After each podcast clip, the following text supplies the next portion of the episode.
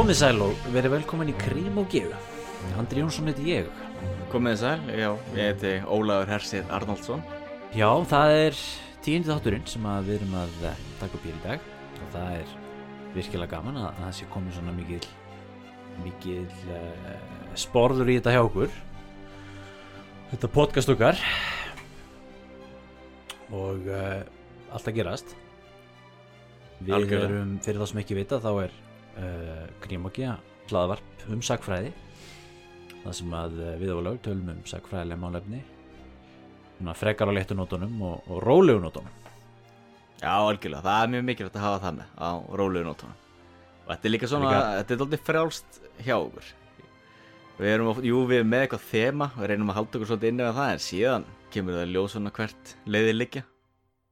Það er ekkert svo mikið eða sko, þegar kemur að sögu miðlun og svoleiðis, eða þú Mm. veist miðlun á sögu og sagfræði til þú veist almennings og svoleiðis, þá er ekkert svo mikið af svoleiðis kanölum sem að sem að einhvern veginn eh, eru á svona, eða eru svona frekar alþýðlegir eða þannig Nei. að tala svona í, lau- í lausum máli um sagfræði skilur við en það er náttúrulega þetta við svo til mis podcastið hjá henni veru ítlaðdóttur í ljósi sögunar Já, það er náttúrulega alveg frábært þú veist, uh, bara framtak það sem að vera að koma þú veist, gera sögu aðgengilega og, og, og, og, veist, og áhuga vera fyrir þú veist, almenning einhvern veginn.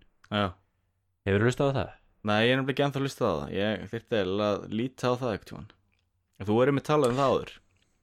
Já, það er náttúrulega ég held að þið, hún sé eiginlega núna eh, bara, þú veist, vinsælasta íslenska hlaðvarpið allavega svona, ég veit nú ekki hvort að það hefur verið eitthvað mælt sérstaklega svo sem en, Mm. en þú veist, það er svona allavega tala um það, það sé svona eitt af því allavega. Og það er mjög svona góða frétti fyrir, já bara fyrir þú veist, sagfræðina, þú veist, það sé sögulegt efni sem er, þú veist, að svona ná til fólks á svona commercial basis, svona. Já, algjörlega, auðvitað, það er mikilvægt. Já, Já, náttúrulega er rosa vandamáli Já, þegar að hvað var að segja uh, efni sögunar er innilokað bara í einhverjum háskólum og ákveðnum ráðstefnum. Þegar eru bara einhverjir já, grúskarar sem er að ræða þetta sín á milli á einhverju eigin máli. Það er náttúrulega svolítið neikvætt. Já, mitt. Það er oft verið talað um þetta svona líka bara, þetta er bara þema í sagfræði bara svona, þú veist, hvernig á að gera söguna aðgengilega fyrir fólk og þú veist, mm. hvernig á að gera söguna veist, hvernig á að miðla sögu og, veist, og gera það spennandi. Og þetta er náttúrulega þema sem söfnin eru alltaf að díla við á hverjum degi hvernig eiga þau að bara, koma sínu sínu sapkosti skilur út til almennings og gera það spennandi og hressandi og, Já, og þetta er stöðu áskorun. Algjörlega. En við í Krímokju, við erum nú svona við við höfum nú svona reynd að tala um sagfræðilega málefni svona frekar frá svona rólega og, og hérna og við vorum í síðasta þætti að tala um uh, grænlendingana Já, og hérna og núna ætlum við að ræða eins meira um, um já hvað ætlum við að ræða um í dag? Já, uh, ég nefnilega hef lengi verið að ruggla saman alltaf Argrimi lærða og Jóni lærða Guðmundsinni Fann, já. En hann þegar ég var heima á Íslandi núna síðast þá var ég í hinnu íslenska uh, bókmyndafélagi eins og hennilega og þar Já, já. rakst ég á bók sem heitir í spór Jóns lærða. Já. Þannig ég kefti Ok. hann og þá byrjaði ég að kynna mér aðeins þá Jón lærða Guðmundsson sem er þá eiginlega þemað í dag sem passa mjög vel við síðasta þema líka því þeir telja að hann hafi skrifað hann Grænlands annála já sem vorum að tala um var, síðast var, var það ekki Björn Jónsson og Skarsá? Uh, það gæti verið að einhver hafi haldið því fram en ég hef verið að lesa núna bæði í spór Jónslæra og síðan var ég að lesa hérna eftir Einar G. Pétursson sem er þá að tala um þessi eddurit Jónslæra þar heldur Já. hann því fram allavega að Jón Lærði hafi skrifað uh, Grænlandsannála Já, ok. Þetta var... þetta var, 1617 held ég eða eh, eitthvað Nei, kannski þetta setna, var, 1621 Já. Nei, þetta var eitthvað hérna... það var nú eitthvað með þetta, ég geti nú náði í bókinu eftir og kíkt í það. En, en það passa, en það getur vel verið að sé, Eitt var að skrifa upp eftir hinnum eða eitthvað svo leis jú því það er eitthvað talað um þennan, er ekki Björn og Skarsá Jú, jú, hann er búin að vera að tala eitthvað um þetta í bókinu en ég verða að vikina það, ég já. En sko, já, og svo fyndið, þú sagði við mig daginn alltaf Já, ertu ekki að tala um Jón Lærða? Ég bara, já, nei, Ar Artgrím Lærða Þú bara, já, já, einmitt, já.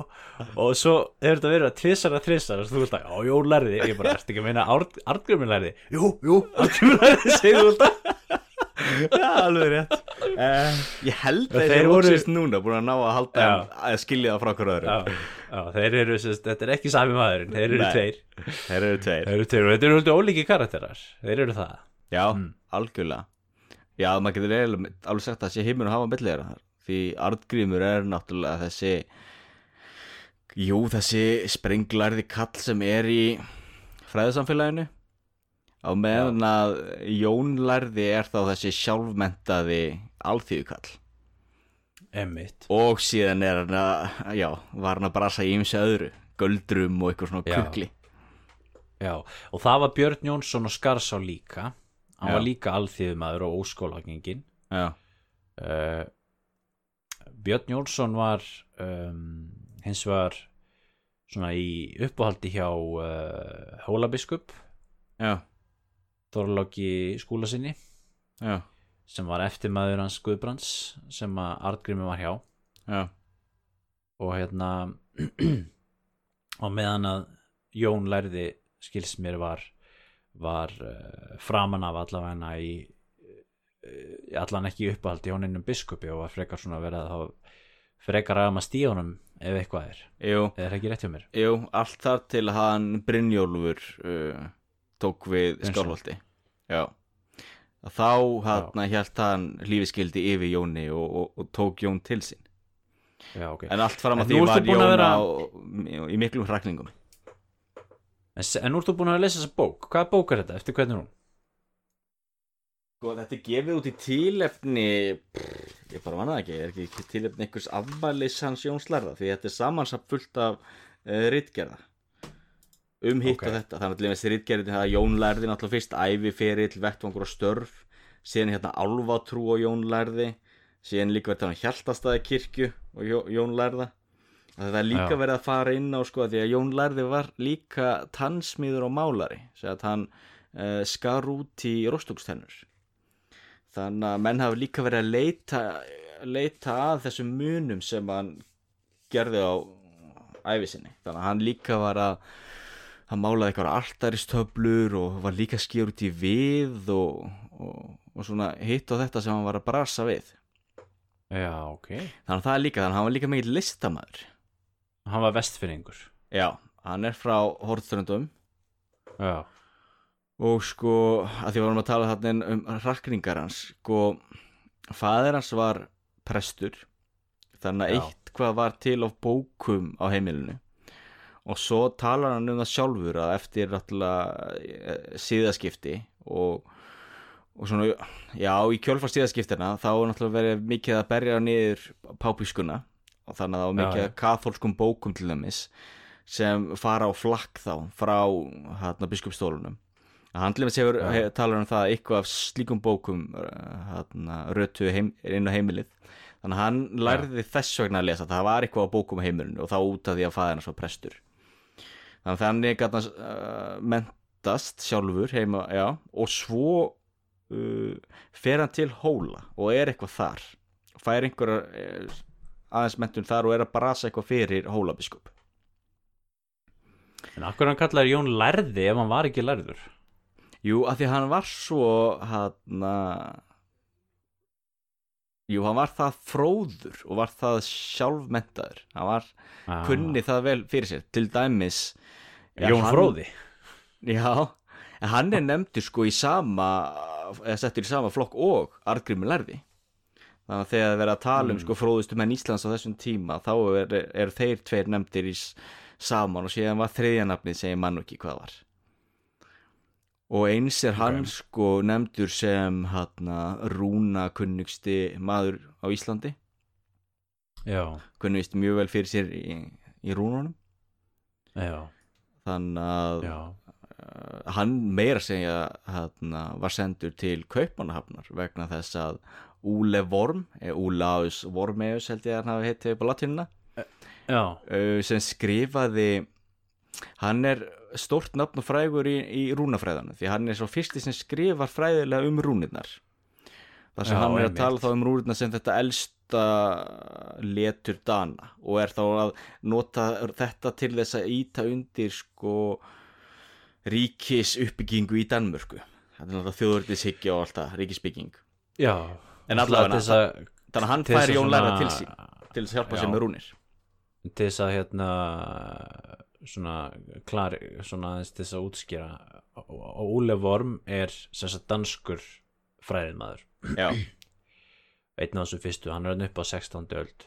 Já, og þetta er náttúrulega á þessum tíma þegar að konusvaldi er að fe- festast í sessi og ekki ennþá, þeir eru ekki ennþá byrjaðir með svona romantík auðvitað og, og þjóðurnis upp, uppbyggingu kannski en þeir eru samt svona að byrja svona að samina ríkin og, og eru svona að byrja þú veist að koma vísir að þessu, þessu þjóðuríkjum sem að, sem að síðar, síðar urðu. Já, og þessum tíma er þá rosalega mikilvægt fyrir þessi lönd að, að hérna, kanna uppruna sinn. Já. Og uh, Úle Vormer er einn af þessu sem er á kafi þessu, hann er miklum samskipti við Íslendinga, meðal annars Artgrím líka út á rúnunum líka, Já. en já. Algjörlega. Og þá er sérst að hafa samband við Jón Lærða Já, þannig að hann er að pressa á valdsmenn og fyrirmenn á Íslandi að senda þennan Jón Lærða til Kaupmannafnar þannig að hann geti rætt við hann. Já, ok. Þannig að Jón Lærði virðist hafa já vita mjög mikið og kunna mikið fyrir sér og var, allan, og var þekktur. En hann ættu kannski að fara aðeins fyrir í sögu því uh, hann lendir í rosalum hrakningum kallinn og er bara já, hrakinum land í mörg mörg ár og er meðal hann settur Já, í, ok. í fangelsi og pyntaður. En málið Ah, er sko að það byrjar allt út af spánverja vígunum já, því það er Jón Lærði sem skrifaði um spánverjavíin já. Hva, hvað er aftur freddu með hans um það? Þessi eh, það er þannig að baskarnir uh, voru veiða mikið kva, kvali og Já. vinna þá úr þeim hana, lísi sem var notað þá til þess að já, til uppbytunar og já, bara sem ólja já, og fyrst náttúrulega voru að veiða þarna í Biskaflóa og, og, og, og allarsafin eftir því sem veiða meira og meira kvala þá náttúrulega þurfa að fara lengra og lengra á mið. Þannig að það enda þannig að þeir eru farin að veiða við Ísland. Já, og það koma ein, kemur tölvöld að skipum og árið 1515 ef við minn er rétt að þá strandar bastnest skip fyrir vestan. Og skipið já, re- rekur í land. Ég held að það sé 15 1615 1615 1615 fyrir ekki já, Já. rétt 1615 já, Þannig að það sem gerist þá er að Ari Ögri, sem var síslumadur fyrir vestan, hann já, kallar út bændur og, og fer fyrir uh, bændum og þeir uh, einfallega ráðast á baskarna og taka á allavega lífi. Og gera er því að og ganga rosalega hart fram því það er ekki bara þannig að þeir drepið þá ræni þeir pynta þá og þeir skera þeim kynfærin og, og nýðast á líkonum sína þess að mesta vannverðingu og síðan er held ég að þeim hafa einfallega bara kasta út í sæ þannig að Ari Ögri og bændur gengur rosalega hart fram. Já, En þarna komum við líka inn á þetta með sko miðlun sögunar það sem er svo áhugavert, við erum náttúrulega svo takmörkuð af heimildum. Að því að Já, já. allir skrifuðu um það að það hefði verið sem sagt ofríki spánverið þarna eða baska, sem þeir kölluðu þá spánverja. Já, og að þeir hefði þannig lendi útistöðum við fólk út frá þeim heimildum þá geti maður haft samúð með Íslendingum og séð fyrir sér jú þannig er einhverjir, ribbaldar hálgerði sjóræringjar eða eitthvað slíkt en Já. að því við höfum þessa einu heimild hans Jóns Lærða þá fáum við þá náttúrulega alltaf aðra sín á málin þar sem hann einfallega bara gerir grein fyrir því að þetta hafi já verið bara já ílska Íslendinga að ráðast þarna fram og nýðast svona á, á böskunum sem voru þá í raun vardarlausir sjómenn skipsbróksmenn En hver var sagður ástæðan fyrir því að þið gerðu þetta svona það til þess að ræna skipið. Já, já, þetta verður rauninni bara bara, bara, bara, svona barbarism ykkur já, bara stigamennska íslensk, íslensk sjóram þá. Já, ok. Þannig að Jón lærði náttúrulega lendir þá upp á kant við uh, Ara í augri og vald, uh, já, valdastjættina fyrir vestan. Þannig að þeir rekjan og það enda þannig að hann er dæmdur á þingi og allu, já, allar eiginar sem eru teknar frá honum og hann er síðan þá, já, lendir, er eiginlega dæmdur í útlegð þar sem Já. öllum er líka meinað að aðstóðan og það endar þannig að hann rökklast að- allalega austur á austfyrði og er þar út í Bjarnarey held ég hann heiti sem er bara einhver lítil afskekt eiga sem engi bjói og inn í Já, þetta kemur og inn í þetta kemur sko Danmerkurferðin af því að hann fer til Danmerkur til þess að hann til þess að reyna til að tala máli sínu fyrir kong, konginum og fá náðunabrið frá konginum. Og þannig já, hreinsa nafnor já, hreinsa nafn sitt heima á Íslandi og náttúrulega fá tilbaka eitthvað af eigum sínum En eh, ég held að þetta hafi farið þannig að þegar hann kom aftur heim til Íslands þá var hann aftur dæmdur og dóminu var bara staðfestur því íslenska valdastjættin var svo sem ekkert alltaf svo upptíkin að hvað, kaup, hvað kongurinn í Kaupanöf var að gera, hann var alltaf tölvöld langt í burtu. já, já. Þannig að þá kostuðu þeir um einu bestastæð og þar var hann pyntaður. en þetta var fyrir galdrakökl sem, var, sem þeir klínd upp á hann Já, þeir bera það fyrir sér, galdrakugl. er það ekki svolítið svona veist, það er náttúrulega kaplúta fyrir sig þetta galdrafár og allt og, og allt í kringu, kringu það en hérna en, en já, maður getur spurt sig hvort að það hafi ekki verið hálfgert svona já, nota til þess að til þess að klína upp á fólk eitthvað sem að þeir mislíka. Jú, og algjörlega við ættum að taka það fyrir einhvern tímann þetta við getum farið bara stutt yfir það því að skipti máli fyrir Jón Lærða en hluti af þessu viðnöfni Lærði náttúrulega var líka vegna þess að hann var læknir eða þess tíma svona alþjóðlæknir þannig að Já. hann, var mikið að stunda lækningar en það var líka vegna þess að hann kunni vel fyrir sér í, í grasafræðum og slíku. Þannig að það var ekkert bara kukl en það sem er svo áhugavert með Jón Lærða er að hann er barn síns tíma.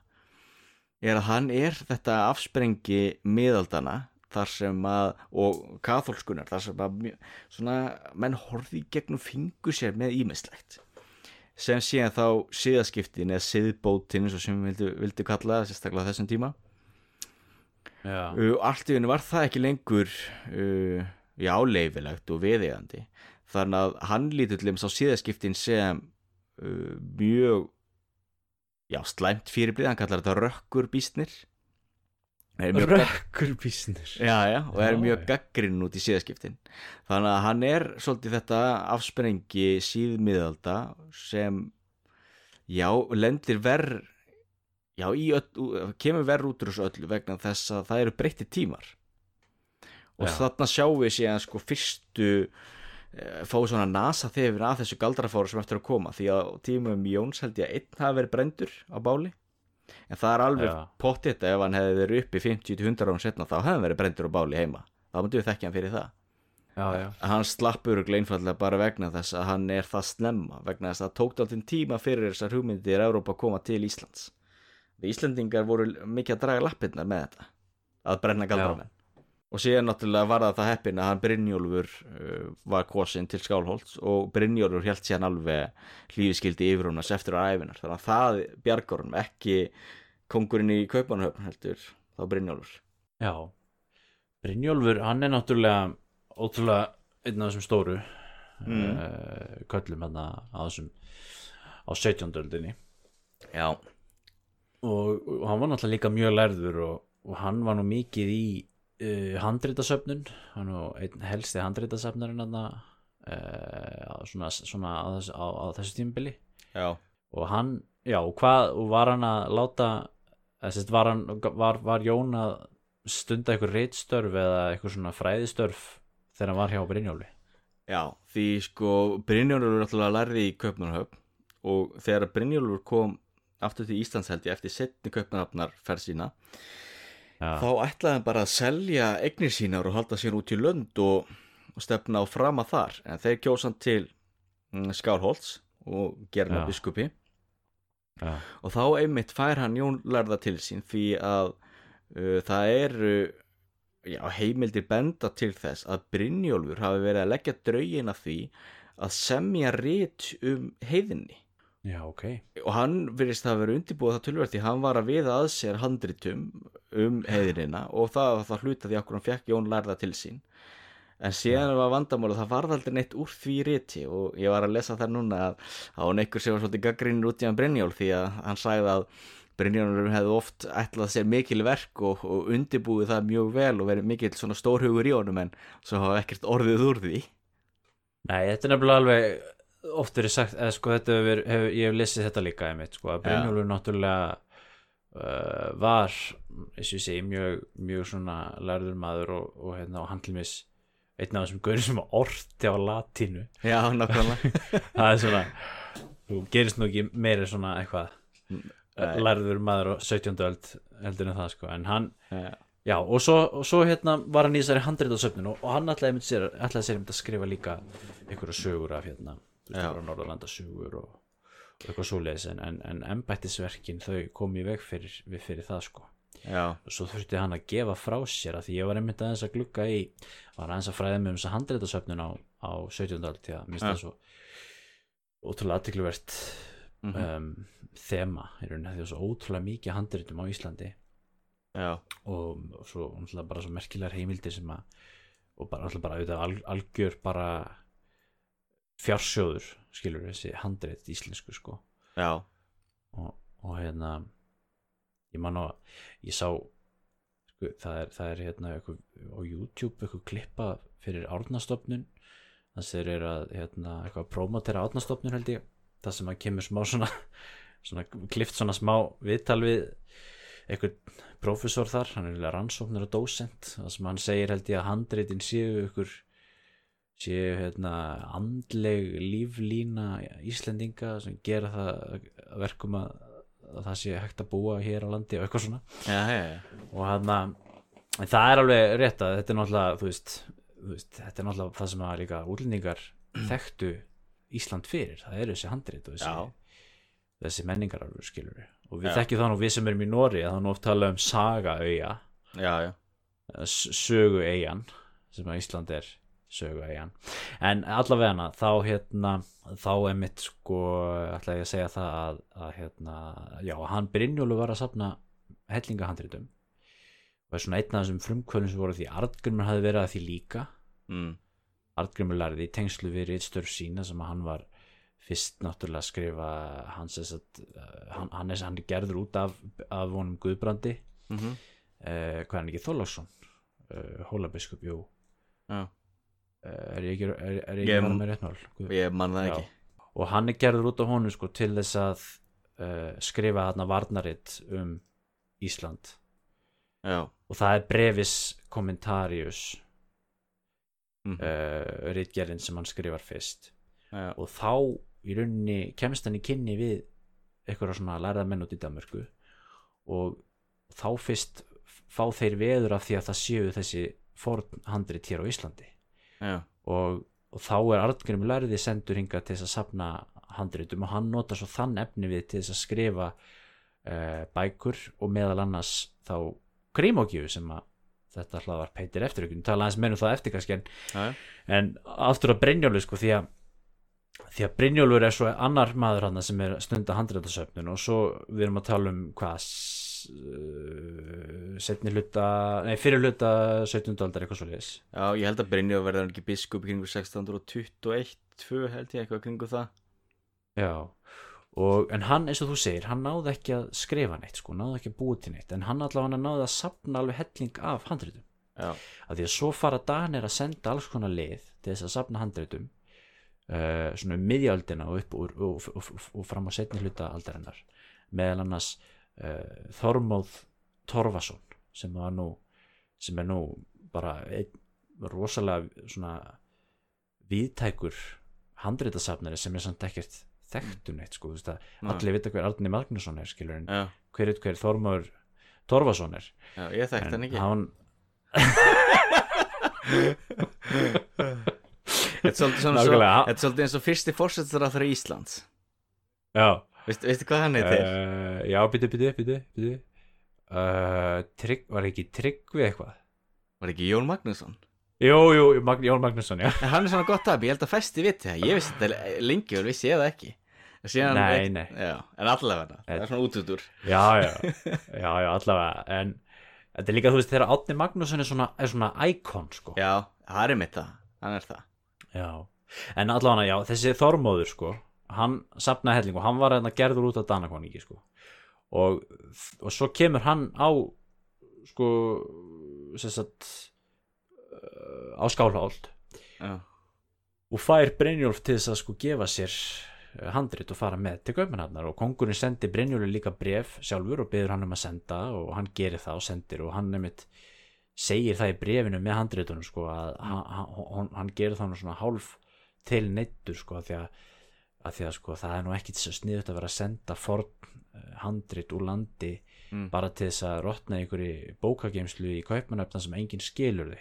Þannig að hann bað helst sko kongin um að þetta var þessi danski kongur sem var svona mikill sérstakur áhuga maður Friðrik þriði, þriði held ég að veri já, sérstakur áhuga maður um hérna fortfræði og þú veist, hann segir við hann sko hann vill helst að sé ykkur íslensku maður þarna sem getur sko unnið eitthvað með þessi handrit. Endilega, Ja. alveg endilega sendið til kaupmannáðar en að það er helst eitthvað að vera og vinna, vinna upp úr þeim sko.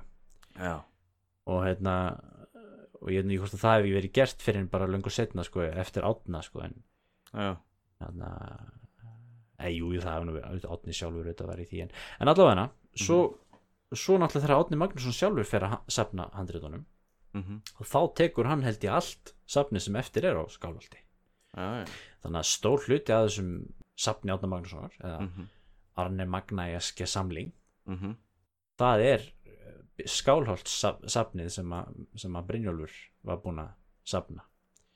Pluss þá aðri, að, önnurs handrit sem að Brynjólfur og fleiri höfðu, safn, höfðu, höfðu sendt fyrir daga árna til í hann konunglu og bóklöðin í kaup, kaupmannöf sem að, sem að hérna, svona brann eitthvað að þessu jú, jú þannig að, Brynjólfur Svinsson hann hefur verið svona mikill fortfræði fræði maður og, og þetta er nú ekkert allir sem endilega vita sko. Nei, og hann náttúrulega, Jón Lærði er líka settur í það að skrifa handrið, því hann skrifaði líka. Já, þess vegna finnst mér það svo skemmtileg persóna líka því hann gerði í raun og allt sem hann gat kallinn. Hann var í leknisfræði já, var í, var í göldrum og kukli líka var að skrifa, var að yrk, yrkja og svo er hann sko líka náttúrulega að skrifa handrið, þannig að hann er að skrifa upp bækur. Og svo kunni hann líka eitthvað fyrir sér í öðrum tungumálum en hann er líka nefndur sko sem fyrsti náttúrufræðingur Íslands. Því hann Einmitt, skrifaði hann líka náttúrufræði rít og er þá að skrifa um dýrategundir og er að skrifa um einstakar rasategundir. En síðan líka sér maður samt sko hversu mikið hann er barð síns tíma því hann náttúrulega líka skrifa um álfa og huldufólk og eitthvað svona kynjaverur og, já. og hitt og þetta. En það er náttúrulega allir þessi lærðumenn á þessum tíma. Já, já, já, já. það er, sko, þeir þeir, þeir til mis lesa sko biblíuna og þeir lesa trúarit og þeir lesa þessi, all, all þessi, allar þessar sögur gömlu sem bara bókstaflega sko Það er einmitt gaman á hann hefnir þetta því ég- get að koma með útskýringu á útskýringuna fyrir hana, tilurð huldufólks. Samkvæmt uh, Jóni lærða að þá eftir að drottin hefði skapað Adam að þá uh, rávar Adam um aldiskarðin og einhver tíman þegar eitt gifti þegar Adam er litið já, niður aftur fyrir sig þá sér hann skugga sinn. Gerir sér ekki grinn fyrir því hvað þetta sé en verður svona dólfallinn og leggst niður og uh, já, hefur mök við skugga sinn og serðir Hefur jörðina mök við skugga sig já, og sæði Adam sprautast það niður í jörðina og upp á því er þá álfa eða huldufólkið komið. Það er Ég hans útskýring. Það. Er bara svo les. En síðan er máli sko að, að, að hluti af þessum handritum eftir hann Jónlarða er ekki gefin út. Það ekki, hef, hafa ekkert verið gefin út heldur er þetta til í handritum það getur nú verið spennandi að líti eitthvað á svona handrit og þennan kveðskap og hitt og þetta sem hann hefur brasað því það er ívist fróðleikur þetta því þetta segir náttúrulega, þetta varpa næst ljósi á hugmyndarheim 17. aldar Hvernig Þessi- er hægt að láta sér detta þetta í hug? Ég...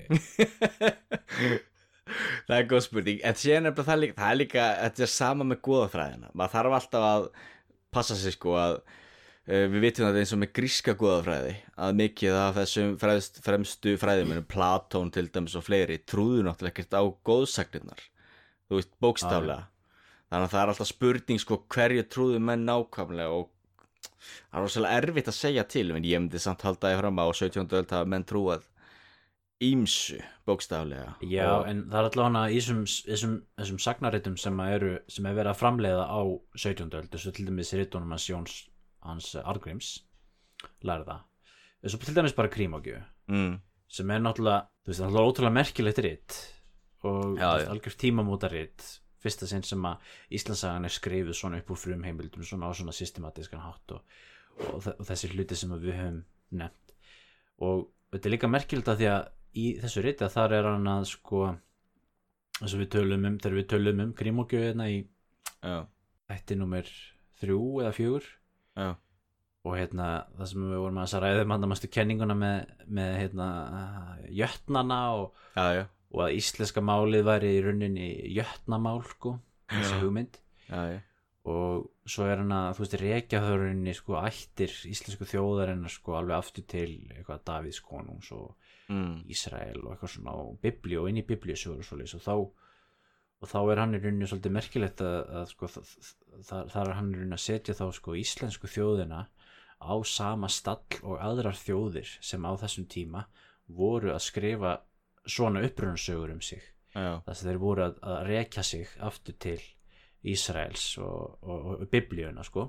Mm, og hérna og, og hvernig hann meðhöndlar sínar heimildir hvort sem það eru já, hvort sem það er, þú veist, trúaleg rít en að biblían eða eitthvað svo leis eða hvort það séu erlend fræðrit eða bara íslensku handritin sem hann hafði mhm, að þá he- hefur mönnum fundist það eða þá er það ljóst að hann er að túlka í rauninni heimildirna sínar bara sem, bara, já, bókstaflega skilur bara, já, já, og hérna, og, til dæmis sko, Krimóki er, hún er skipt upp í þrjár bækur mhm, fyrsta bókin er það sem verið farið yfir bara sögu Íslands og veist, frá landnámi og fram til uh, hans dagar og það sem er verið að fara líka svona kategórist ofan í sko, eða sko, það sem er verið að taka eitthvað svona þemu, þess að tala um stjórnkerfið eða tala um, þú veist, já, hérna, já lögin og svona. Mhm. og, svo, og svo er hérna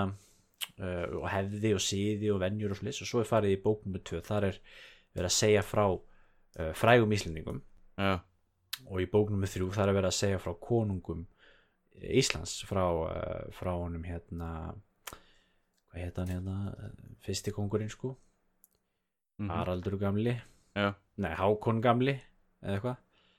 Og fram til þess konungs sem að var þarna á uh, þegar hann var.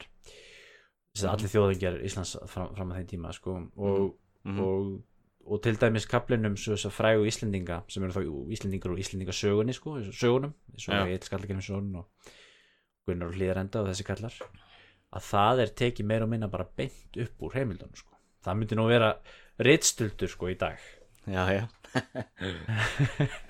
en, hérna, en þetta er svona til að sína þá að þannig eru menn þetta er algjört breakthrough að þeir séu að vinna þessi verk algjörlega og þú veist, Mm. það sé verið að gera þetta og það sem þeir eru að gera er breakthrough. En, en hérna en merkilegt að, að, að, að þessum tíma þá verið að taka heimildirnar alveg bókstaflega fyrir. Já en síðan er samt sko og þess vegna væri náttúrulega stórkoslegt ef hann Brynjólfur hefur haft sig í að klára þetta ritt sitt.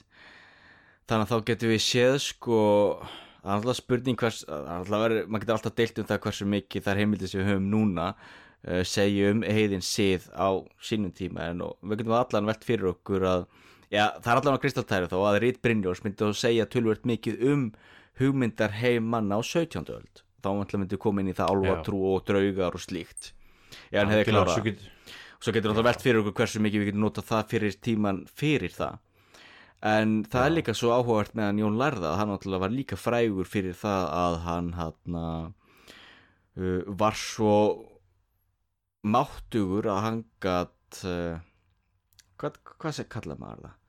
Að syngja niður drauga, kveða niður drauga. Erum niður drauga, já. Er það ekki? Jú, því hann samdi sko ljóð og það eru fræg þrjú ljóð eftir hann. Já, sem eru sko, uh, já, feiki ljóð þar sem hann einmitt samdi til þess að hann var að kveða niður rosalega drauga. Og það sem er svo merkiltist með draugan á Íslanda, þeir eru miklu meira uppvakningar heldur en típiski draugar sem einhvers konar svífandi fyrirbreyði sem er svolítið svona laus, lauskend einhvern veginn, meira svona svo sál já an, an, andi einhver, já, en íslensku Já, draugarnir eru miklu meira uppvakningar því þeir eru sterkir og eru að rotna og já, ok. og já þannig að það er tölvöru munur þar á sko. Ég, ég held að, ég veit ekki það getur verið rannsóknarverkefni, ég veit ekki hversu mikið menn hafa kynnt sér það, draugar á Íslandi Já, það hefur reyndar örgulega verið kynnt sér alveg, menn hafa nú kynnt sér það alveg hellingaldi og allavega, það er allavega Já. til fullt af bókum um svona, svona íslenska þjóðtrú og, og þjóðhætti og, já. já, að því síðan kemur þetta inn í líka sko að menn er að reyna að komast að því náttúrulega hvað er meira innlent efni frekar en áhrif Já. utan að það líka. Já, og menn hafa einmitt verið að tala um það náttúrulega að þetta rít Brynjóls hefði getað kastað miklu meira ljósi á það. Já, já, já, um heiðnina já og svona álfatrú og Já. En pældi því, svo getur nú líka verið er ekki, er ekki rétt mér að við höfum nú ekki svo mikið af heimildum um heiðnina er það ekki, það er snorra þetta jú, og basically bara það, er, ekki, er það ekki rétt hjá mér? Já, ég held sér fyrst og reynst uh, það er ekkit óhugsandi líka sko að, að ekkit óhugsandi að Brynjólfur hefði haft einhver einhver handrit sem að eru glötuð í dag. Það er náttúrulega máli bæði handrið og svo hefði hann líka geta haft aðgang að einhverjum munnmælasögum og Já, slíku nákvæmlega. því það sem að Já, maður verður líka að hugsa um að mikið af þessum stóru ljóðum eins og bara Iljóns kviða lifði náttúrulega sem sko í munnlegri gemd í mörg hundru ár kannski áður en það að skrifa niður. Og það er náttúrulega málum í snorra þetta snorri er að skrifa eitthvað niður er að skri- skrifa niður sögur sem er búin að vera að lifa í mörg hundru ár. Til Já, já, við vitum, við vitum talandi þetta, við vitum að Arngrímur lærði hann eh, notaðist við handrit sem eru glötuð með öllu. Mm. uh, til dæmis í uh, til dæmis eitthvað sem heitir Skjöldungasaga. Já, sem að fjallaði um hérna fornkonunga í Danmörkur. Já, þetta var eitthvað sem hann notaði í uh, rit sín sem hann skrifaði, hann var sérst beðin um að skrifa hann rit um sérst, upphaf Danmörkur það var það sem að gerði hann gerði, eftir að þeir þess að ég sagði að hann skrifaði deiluriti sitt þarna, brefis kommentaris og, svo, og þá sérst, báðir hann um að skrifa rit um sérst, sögu Danmörkur og hann fór heim og gerði það, skrifaði rit um sögu Danmörkur og um, og um Noreg. Já, með, með hérna, viðbæti um, um sögu Orkneyja.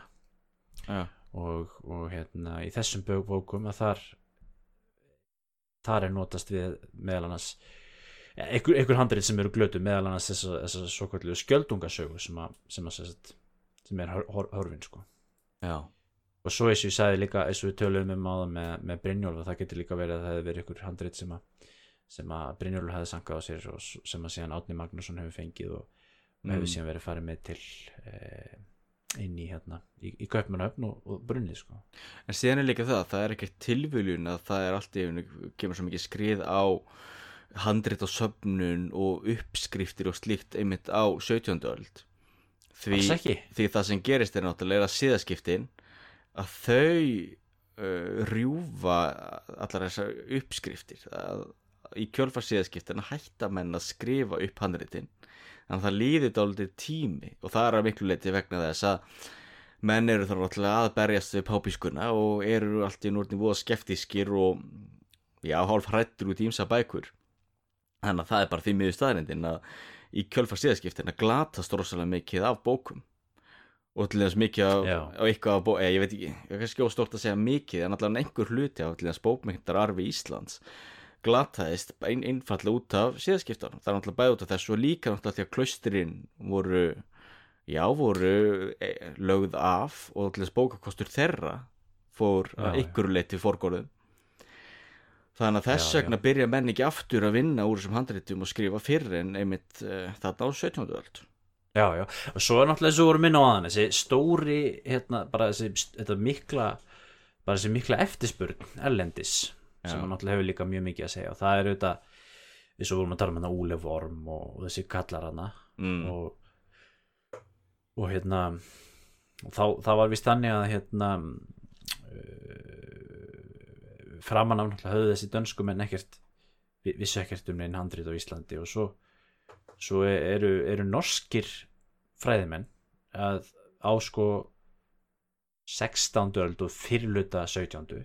já, þá eru þeir byrjaðir að skrifa upp um, handrit, norsk handrit sem eru þá búin til á Íslandi. Mm sem að sérst, fyrir ekki íslensk handrit sem að hafa verið seld til Noregs, af því þú veist það náttúrulega Mm. gömlu sögurnar náttúrulega á, sem voru skrifuð á Íslandi hérna á, á þú veist, 12, 13, 14 öld og, og það allt saman þau voru mörg náttúrulega skrifuð fyrir export já, já.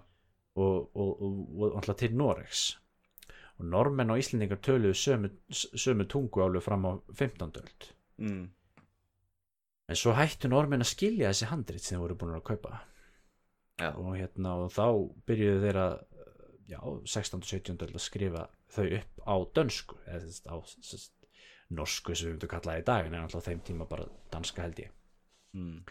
og hérna og þá þá fá menn í kaupmannöfn veður af því að það eru handrit á Íslandi sem að þar er eitthvað miklu meira að finna þá byrja þeir að þú veist hafa sambandi við íslenska fræðimenn og þá, þá eins og við erum að tala um aðan Artgrim og, og Jón og Brynjólf og setja í gang þessa, þessa miklu hérna, uh, söfnun. Og svo þegar komið að lok, undir lok aldarinnar og við aldamótin 1700 sko, þá er þetta allt komið á flug sko.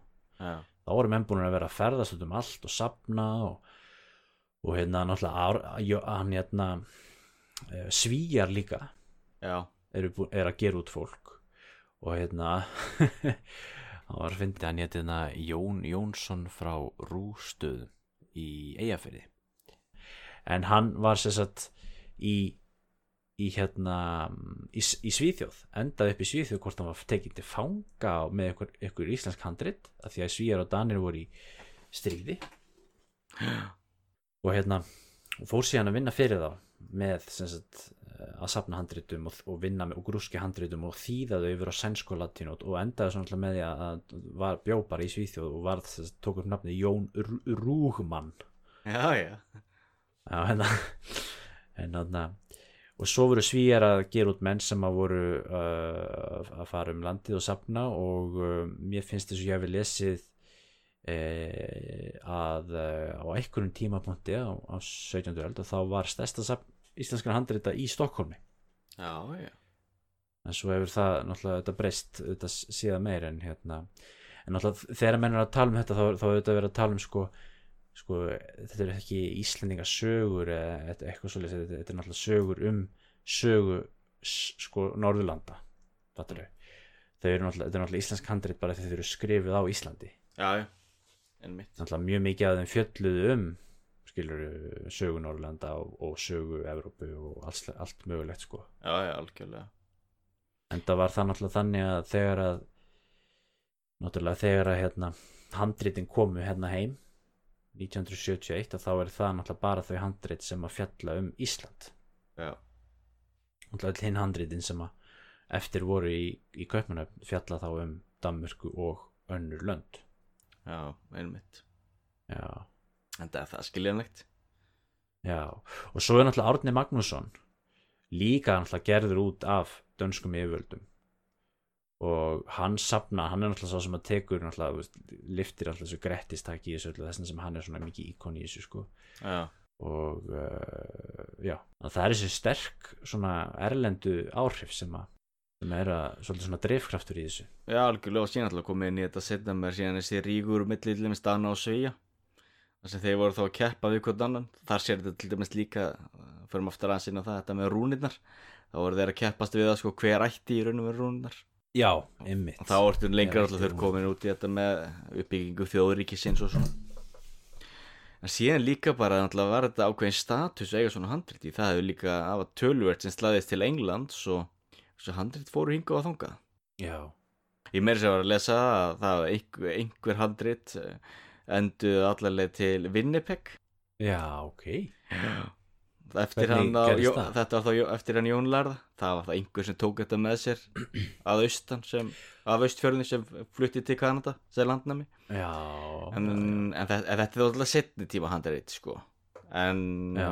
það er aftur kom það var gefið síðan til ég veit ekki landsbókasaps eða þjóðskjálasapsins þjóðskjálasapsins örgulega ekki sem gefa já Já, náttúrulega ef þetta handrit sko, nei, allir hafa ekki verið landsbókasafnið og fyrst að það hefur verið, já, já náttúrulega ef þetta er enga skjálasafn, þá náttúrulega getur það verið, já. já jú, jú, þetta var þá eitthvað einhver skjálasaps einhvers En tal, talandi um þetta, ég, sko, þeir í handrita deildinni á landsbókasafninu, já, þeir varveita alveg helling af handritum sko sem að, sem eru skrifið sko á 19. og 20. stöld. já, já Heilu bækurnar, skilur, sem eru orðsins fyrstu merkingu handrit, það þýðir náttúrulega bara eitthvað sem er skrifað með hönd. já, og hérna ég var að hlusta á hlaðvarp sem er mjög áhugavert já, sem að heitir hérna sko sjá, það heitir skal ég segja, hugvarp já, hlaðvarp hugvísindasviðs. Já, þeir eru oft með svona þú veist, þeir tala um fólk sem, að, sem er að stunda ykkur rannsóknir og, og svo leiðis á hugvísindasviði mhm, á skólanum. Og hérna, hvort það var ekki því það sem þið voru að, að hérna, tala um uh, eða hvort það var í ykkur öðru hlaðvarpi kannski, ég maður ekki, allavega ég heyrði viðtal við einhvern nýra á landsbókasamni á handröta vildinni já, það sem þið voru að hérna, uh, segja frá því að þeir væru með fullt af handritur á 1920 stöld og þetta verið rosalega mikið svona alþýðu fræðimenska í þessu. Já, já. Það sem er einmitt svona menn eru að þú veist bara bændur, þú veist sem er ekkert með hennar guðfræðigráður eða eitthvað svoleiði skilur en þeir voru að skrifa bækur um hitt og þetta. Náttúru og jörtafræði og alls konar alls konar hugmyndir um hitt og þetta sem, sem sko menn voru að skrifa mhm, og, og eru alltaf varfitt bara þarna bara þú veist eina eindaki sem til er að þessu sko. Ok. Og þetta er ekkit og þetta er ekkit það sem að venjulegt fólk hugsar um þegar að það heyrir orðið handritadeild landsbókasafsins þá hugsaðu um sko einmitt. Og líka bara þegar þú hugsaðu um orðið handrit þá hugsaðu um fornhandrit Já. já, þannig að það er einmitt mjög, mjög aðtegluvert að, að læra um þetta hérna, að, eh, og þetta er náttúrulega líka eins og hann var að segja þessi gaur sko, þetta er svona, svona efni sem bara býður eftir að vera tekið og rannsaka betur sko. Já, já einmitt því hérna ég einmitt, ég aðeins reykst á þetta því ég hérna tók kurs um uh, galdrafári fyrir tveimur ánum síðan held ég. Og þá einmitt uh, var verkefni að að við áttum að lesa sko annarkvort galdrabækur eða galdradóma og þá einmitt veist handskrif, handrit, handskrifað og hluti af verkefni var þá einmitt að, að skrifa þetta og nor normalisera textan og svona, svona. Og þá Já. fann ég einmitt handrit skrifað held ég bara 1820 uh, á Íslandi en það var þá sko uppskrift af handriti frá 1660 held ég, 50, eitthvað, eða miðbygg 17. aldar. Já, Og það var svolítið, það var einmitt mjög gaman að lesa því, þar voru það eins og sko galdraþölur og, og svona galdrastafir og útskýringar og, og hitt og þetta sko. En það er Já. einmitt á handrit frá þá 19. öld, en sem var þá Já. uppskrift af eldra handriti. já, Og það er einmitt þetta, því ég einmitt, það, það, það hugsa ég sjálfur, leðu ég heyri handrit, þá sé ég fyrir mér eitthvað eldgamalt eitthvað. já, já, algjörlega sko Það er náttúrulega hellingur náttúrulega frá ný, nýri tíð. Já, þetta er þetta er hérna mikið um, um þessi, þessi galdrafár og margir sem voru teknir að lífi Mm. mm. e, tengslu við það og fyrst ég var að nefna hérna hugvarp hlaðvarpið þá dettur mér í huga að hérna að uh, þeir voru mitt þar með viðtal við fólk sem er uh, með uh, með rannsóknverkefni dísjarina dæmdu Já, Ég hvort þú reyft um það, það er rannsóknarverkefni það sem þeir eru að hérna, taka saman upplýsingar um fólk sem hefur tekið að lífa á Íslandi. Já, á, á tímabilinu 1550 til 1830 já. og hérna og svo er ég búin að setja þetta upp í svona kortasjá já, þú getur séð uh, nú er ég með þess að síðu upp í hérna sko. Þess vegna er ég með á hreinu sko og hérna 248 döðadómar já, uh, sem eru skráður inn í, inn í hérna gagnagrunnin hjá þeim sko. Já, og hérna og það er nú einhverjir þar sem hafa verið dæmdir fyrir galdrakukl. En reyndar voða mikið líka bara fyrir aðra gleipi sko. Já, og það kom nú fram í þessu þessu viðtali við þau að hérna þau vildu nú meina að þetta væri voða mikið svona utangarsmenn sem eru, þú veist, dæmdið til dauða fyrir litlar sakir mikið svona hórdóms. Já, svona sefja og síða síð, svona síðsfer síð svona hérna síðferislegir já, glæpir ykkur er svona. Já já, já, sefja spell og hórdómur og alls konar svo leið sko. Og, Það er líka áhugaverð bók sem ég las fyrir ekki svo lungu síðan. Það er hérna Blóðskömm á Íslandi. Ég man ekki hvað höfundurinn heitir. En þá er mitt fer hann svolítið yfir uh, þá dóma. Og er einmitt að kynna sig þetta. En það er einmitt áhverð að tala um þetta því ég er búin að vera eh, ég náði mig í dálítið að bókum á bóksafninu og það meðal alveg svona dómasöfn frá 17. og jú, 17. og 18. öld. Og það eru meðal annars dómar frá hánum eftir hann Brynjólf biskup. Já, já, þannig að ég ætlaði að hérna, lesa aðeins meira þar. Þá fær maður svolítið svona einsýn inn í samfélagið. Já. Það er alveg svo merkilega að það er nokkur, nokkur dómsmál þar sem að uh, prestar höfðu neitað fólki að- ganga til altaris og hljóta sakramentin og það var þar eins Ja. sko að fólki hefði kært prestin og, og unnu mál því að presturinn hafði ekki sannanir fyrir því að hann hann gæti neitað þeim um sakramentin það þótti það alvarlegt. Já, ok. En síðan var líka með þessi eitt dómsmál þar sem að einn að einn prestur neitaði öðrum presti að ganga til alltæris vegna þess að sá prestur sem vildi hann, taka við sakramentónum að hann átti íldeilum við bróður sinn.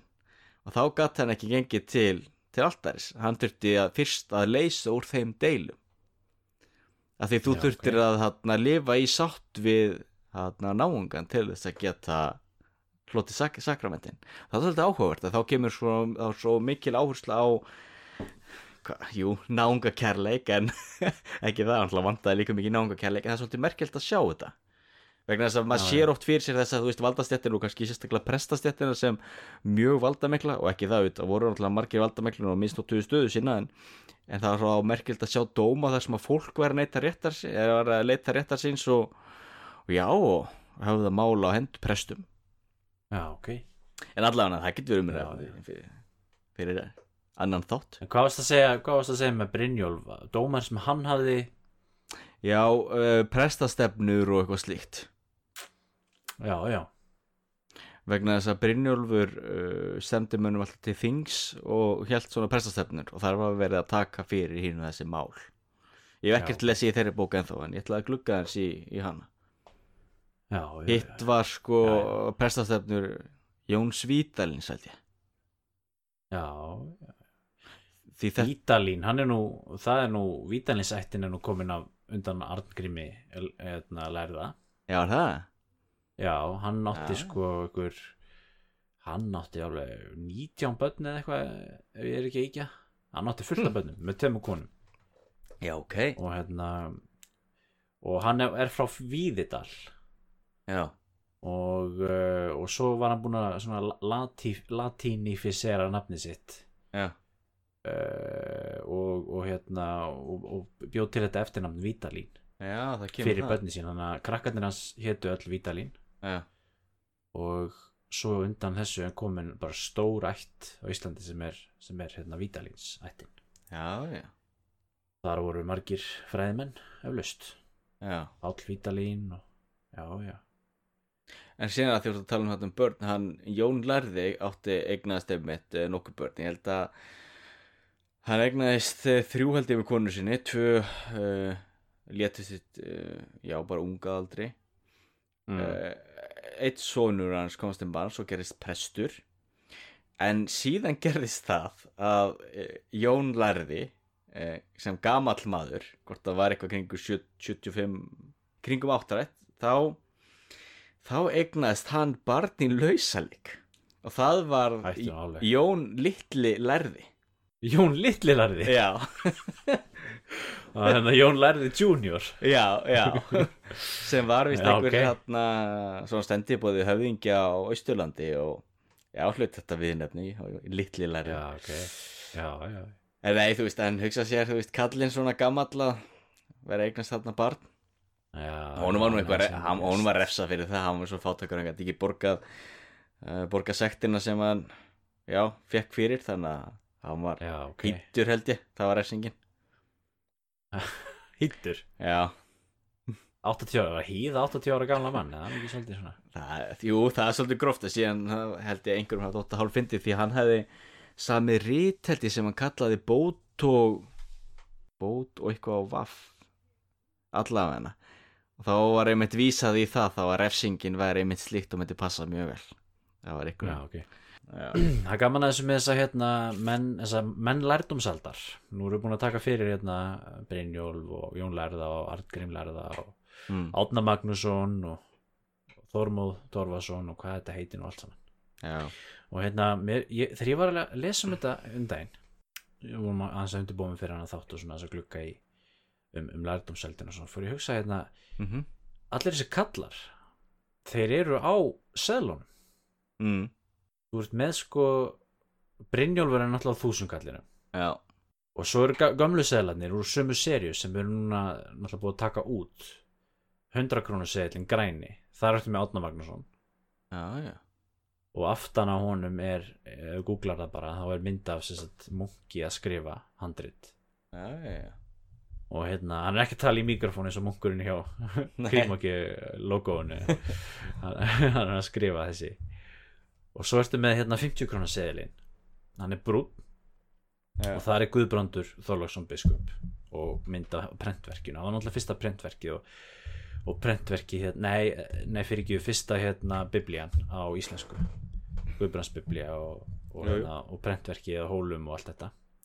Og hérna að því, já, út og dúr sko ég, það hefur nefnilega hann, hann Jón Arason síðasti katholski hann var, var vist búinn að prenta eitthvað smáræði af katholskum rítum sem ekki hafa lifað af Já, einmitt, ég hef einmitt heyrt það. Það er einmitt gott dæmi um þetta hvernig, já, síðaskipting voru eða líka svolítið.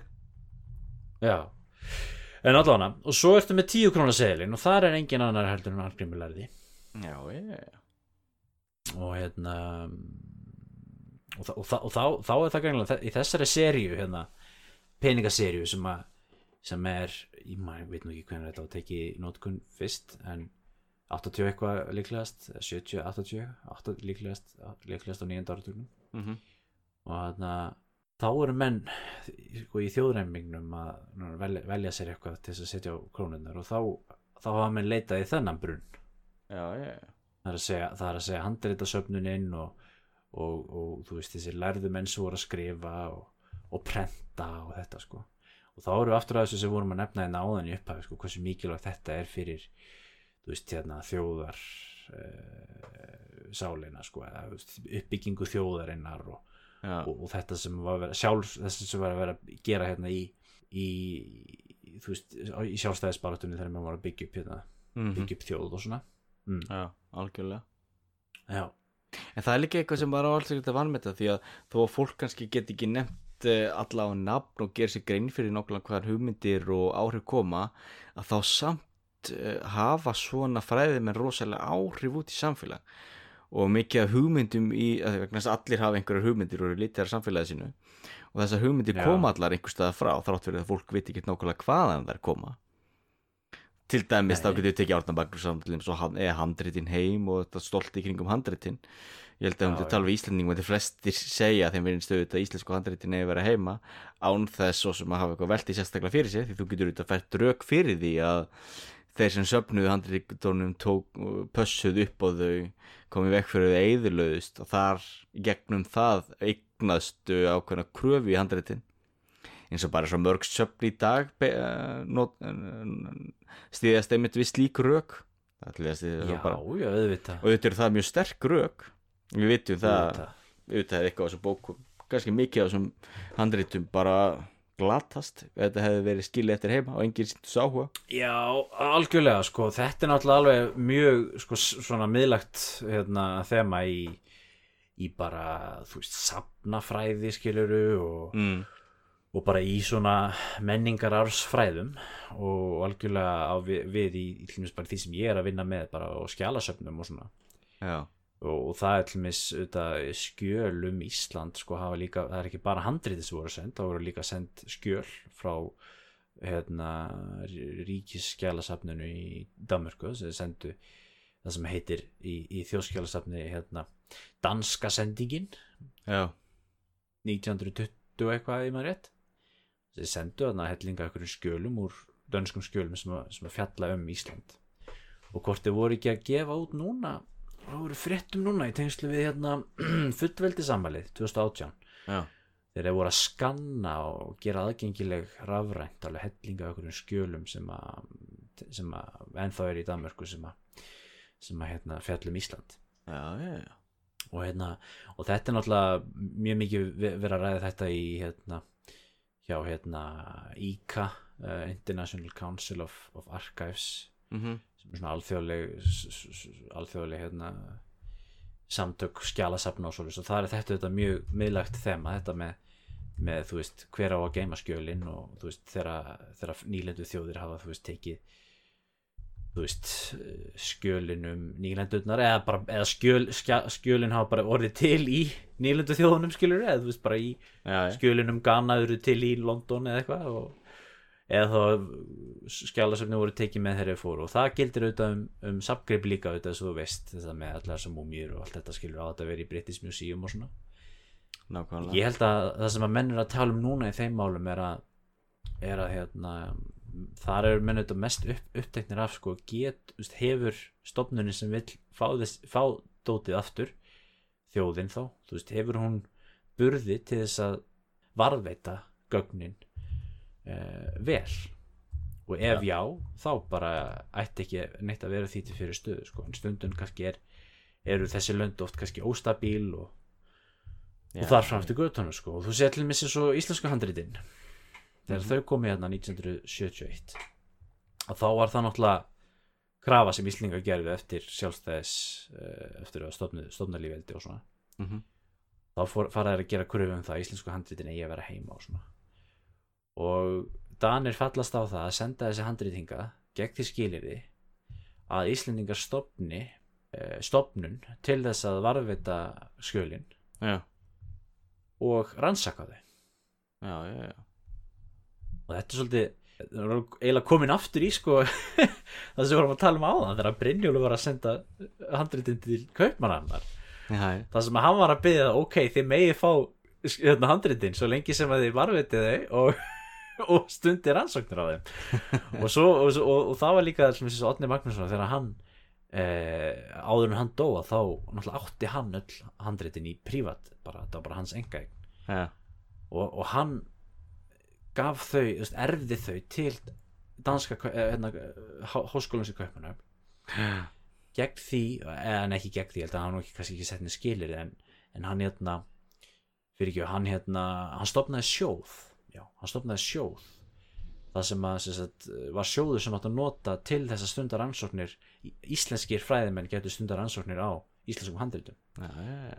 þannig að, þannig að það er sko það er þetta, það er ekki bara að búa til vettvang það sem að menningararfurinn varveitist vel heldur það líka sko, búa til vettvang það sem að hægt er að stunda rannsóknir á hann og það var náttúrulega þá stofnun Árna Magnússonar á Íslandi sem er þá stofnun stofnuð í kjölfar þess að handritin komu og það sem að menn voru þá að stofna var, varveita þau og, og stunda rannsóknir á þeim. Já, já, já. það gildi þá þetta sama um gripi og, og alls konar svoleiðis. Já, algjörlega. Já, þá erum við búin að dekka 17. aldar lærdómsöldina svolítið. Já, við erum búin að ræða það tölvöld Já. Og hérna og núna ætlum við að ræða eins meira um að uh, mikill sagfræðingur Íslendinga Gunnar Karlsson er látin já, já, og hann var nú bara einn svona mjög, skrifaði mjög mikið af verkum og var alveg gildandi í samfélaginu, var skrifa mikið og ég er nú inn á hérna postlistanum Gammabrekku. Ert þú þar inni líka? Nei, ég er ekki þar Hvað er það? Já, það var alltaf, það er svona postlisti íslenska sagfræðinga Já, og hérna, hvort það sé inn á hérna, tengslu sagfræðingafélagi og það, þar eru menna þú veist, deila oft svona fréttum og veist, fyrirlesturum og eitthvað svona. Og svo stundum einstakarsinnum koma einhverju svona málefni sem hefur verið að ræða.